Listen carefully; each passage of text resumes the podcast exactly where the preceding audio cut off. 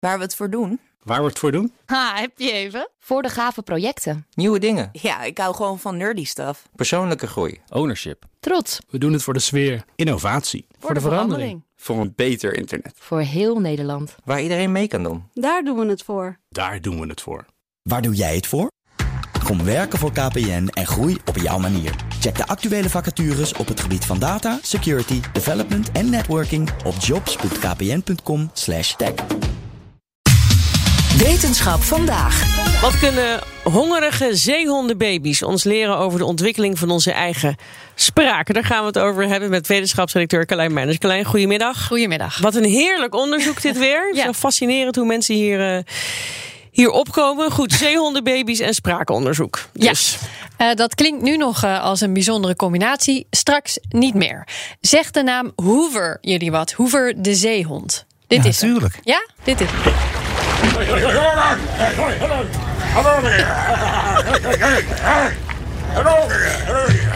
Wat is dit? Ik ken het helemaal niet. Dit was een- je verstond wel wat. Klinkt als een hele dronken man van 50 plus. Met een flink accent. Dit was Hoover, de zeehond. Eh, hij groeide op bij mensen en kon mensen napraten.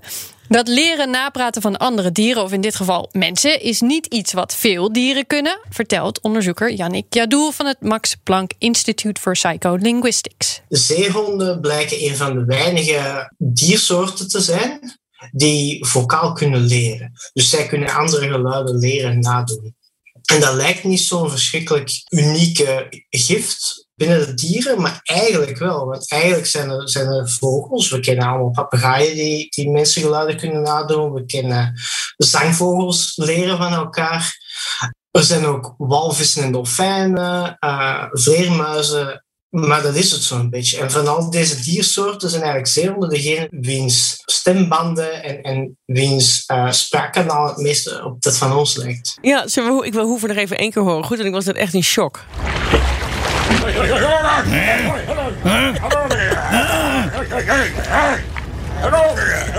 We gaan dit gewoon honderd keer afspelen. Ik vrees, niet ik de bedoeling, wel, ja. Nee, het moet niet te melig worden natuurlijk. Maar ik begrijp nu wel de link tussen spraakonderzoek en zeehonden. Zo Ja. is het ook. Ja, als je bedenkt dat niet alle dieren geluiden kunnen aanleren, van elkaar kunnen kopiëren, laat staan van mensen, zelfs mensapen lukt dat niet, dan is het niet gek om bij onderzoek naar spraak inderdaad naar zeehonden te kijken. Maar wat was nou de, de onderzoeksvraag? Wat deze onderzoekers uiteindelijk willen weten is hoe mensen zijn gaan praten.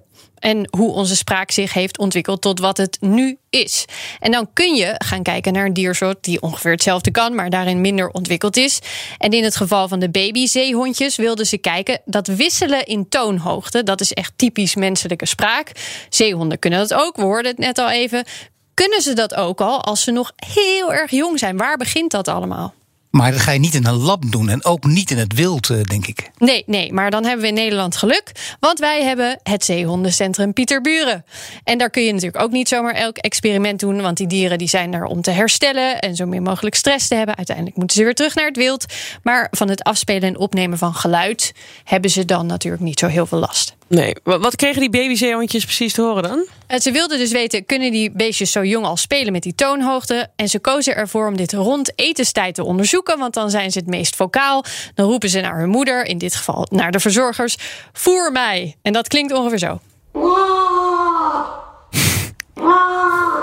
Zo klink ik ook trouwens als ik, als ik, als ik trek heb. Dat verbaast me niet. Ja, ik kan ook zo'n hele dag zo doorgaan. Maar dat we dat willen de luisteraar die horen, denk ik. Wat ze hadden gedaan, ze hadden speciaal geluid opgenomen van de Waddenzee en dat diende als een soort ruis. Het idee achter die ruis is net dat die ruis gefilterd was op de typische stemhoogte van de zeehond. Dus we hadden die tussen de 250 hertz en de 500 hertz gefilterd, zodat daar de frequenties die bleven over in de ruis. En dat is typisch waar de stemhoogte van zo'n zeehondenpup zit. Ons idee was dan dat, dat dit zogezegd de, de typische communicatie van de zeehond zou verstoren, of van de zeehondenpup zou verstoren.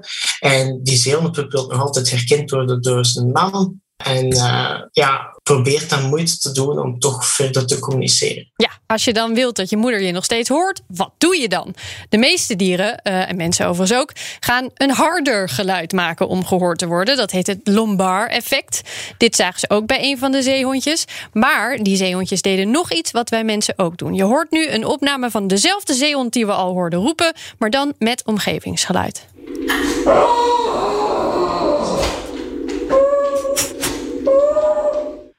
Ja, je hoorde duidelijk, heel duidelijk verschillende toonhoogte. Je hoorde Echt, ja, zei- ja, ja. Ik doe het nog even na voor de duidelijkheid.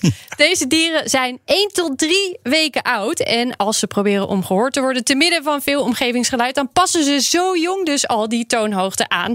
Naar beneden in dit geval. Super interessante vondst. Nou zouden ze hier liefst nog veel uitgebreider onderzoek naar doen. Maar ja, die zeehondjes kun je niet jaren volgen. Ze gaan als het goed is na een paar maanden weer weg.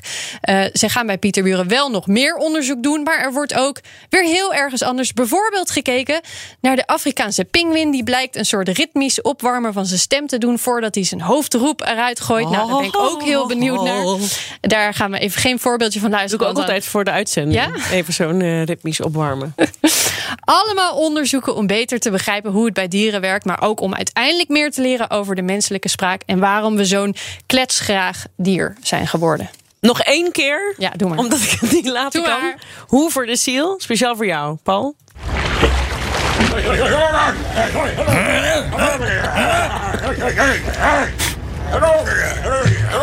Dat is ontzettend leuk. hè. Dankjewel, Carlijn. En leerzaam. Ook Diana Matroos vind je in de BNR-app. Ja, inderdaad. Je kunt live naar mij luisteren tijdens de Big Five.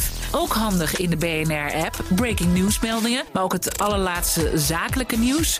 En je vindt in de app alle BNR-podcasts, waaronder Wetenschap Vandaag. Download nu de gratis BNR-app en blijf scherp.